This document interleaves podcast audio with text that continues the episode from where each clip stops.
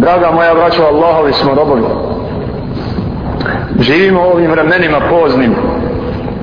U vremenima koja bi mogla biti vremena blizu kijameta. Po mnogim svojim znacima i alametima. I Allah Đalešanuhu nam se i ovakvom halu smilovao. I istini nas podučio i omogućio da je slijedimo. Pa ili će to biti dobar put i dobar prag ka velikom hajru ili će to biti definitivni Allahov dokaz i uzr opravdanje ispred nas da ako pogriješimo i ako odustanemo sami snosimo odgovornost. Jer prije samo nekoliko godina snašla nas je velika nesreća i belaj a nismo znali što znamo snašla je sva ta nevolja naš narod u gafletu kome nije jasna bila istina od neistine kao što je jasna nama danas. Zato pa od nas zavisi da li ćemo sada kad smo oči otvorili i spoznali ići dalje jačati rasti ili ćemo odustati i vratite se svojim stopama pa da Allah Đelešanu ima potpuni argument protiv nas. Da ne možemo kazati da smo zatekli naše očeve i djedove a nisu znali i nisu nam kazali i nisu nas podučili. Velika je sreća i izazov poznavati pravu istinu dok je drugi ne znaju time što ne srljamo kao što srljaju i što im pomoći možemo. Ako budu od sretnih kojima Allah Đalešanuhu za uputu izunat dadne kojima Allah Đalešanuhu dopusti da na pravi put izađu.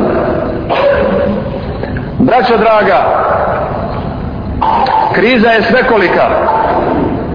Fali nam mnogo šta kao narodu ali mogu kazati da je kriza najveća u najvećem hajru to jeste u imanu i bogobojaznosti i svemu što iman i što islam kao vjera znači i sa sobom nosi i čime pojedinca i zajednicu preporađa. Kriza je u srcima kriza je u imanu kriza je u odnosu i sprezi sprem Allahom Đalešanu pa je otuda prirodno da onda bude kriza i između ljudi pojedinačno i skupno. Da li toj krizi ima lijeka? I da li se kriza može prevazići? Odgovor je kratak i jasan i lahak.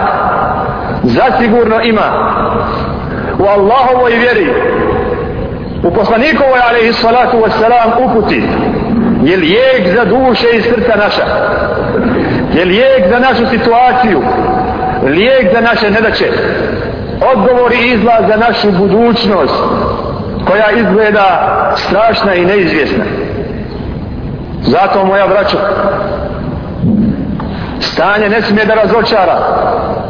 Izlaz je pred nama i poruka moja s kojom vam dolazim danas jeste da se dobro prisaberemo i vratimo kitabu i sunnetu.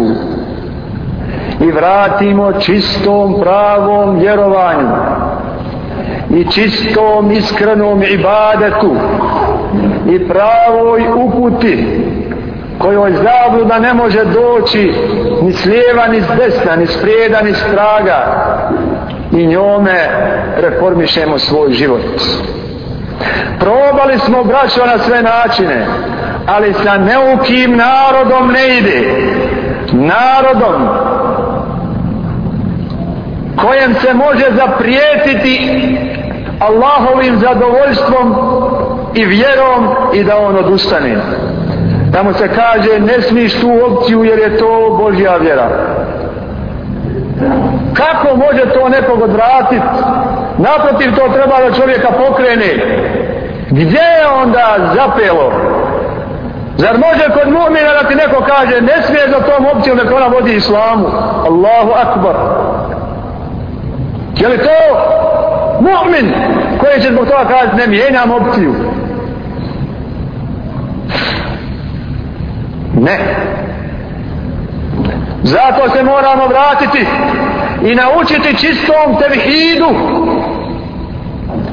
Tevhidu Allahovom Đalešanuhu da je On jedan i jedini koji je stvorio. Jedan jedini koji gospodari svemirom.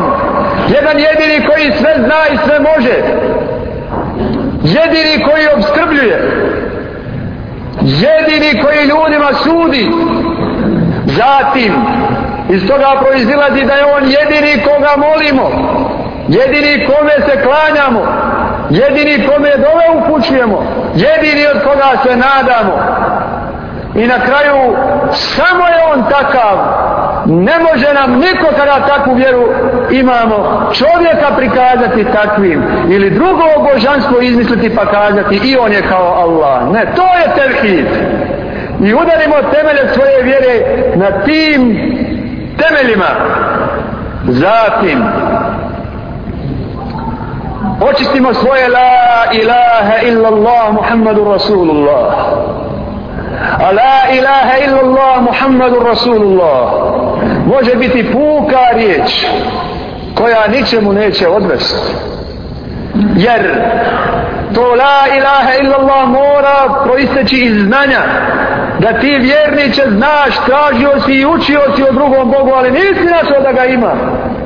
Nisi našao da je drugi neko stvorio nebesa i zemlju da je drugi neko dao vodu i brda da neko drugi daje živo i neživo da iz zemlje život izvodi i tvoj i hrani stoku i bilje koje je također živo. To je ilm. Zatim moraš imati jekin da je to tako da nema Boga sem Allaha. Pa moraš to kazati iskreno da ne bude ni faka licemjerstva zatim sa ihlasom da ne bude u njemu rijaa da ne bude u, u njemu nečega zbog nekog drugog sem zbog Allaha. I moraš to da voliš više nego što voliš sebe i svoj život. Zatim moraš da se pokoravaš la ilaha illallah ako si na početku rekao dok si živ ne smije da dođe pred tebe Allahova naredba a da ti kažeš e ovo i ne mora mora La ilaha illallah te obavezuje. Zbog čega ne mora? Koji ti to Bog drugi naređuje da prema Allahu pogrešiš? Je li ti? Ne, ne može, ja sam samo stvorenje. Je li drugi Bog? Ne, drugog Boga nema. Je li drugi čovjek? I on je samo stvorenje. I Allahovo mora proći. I ne može doći do zastoja u umetu, u umetu Islama, ako se tako nauči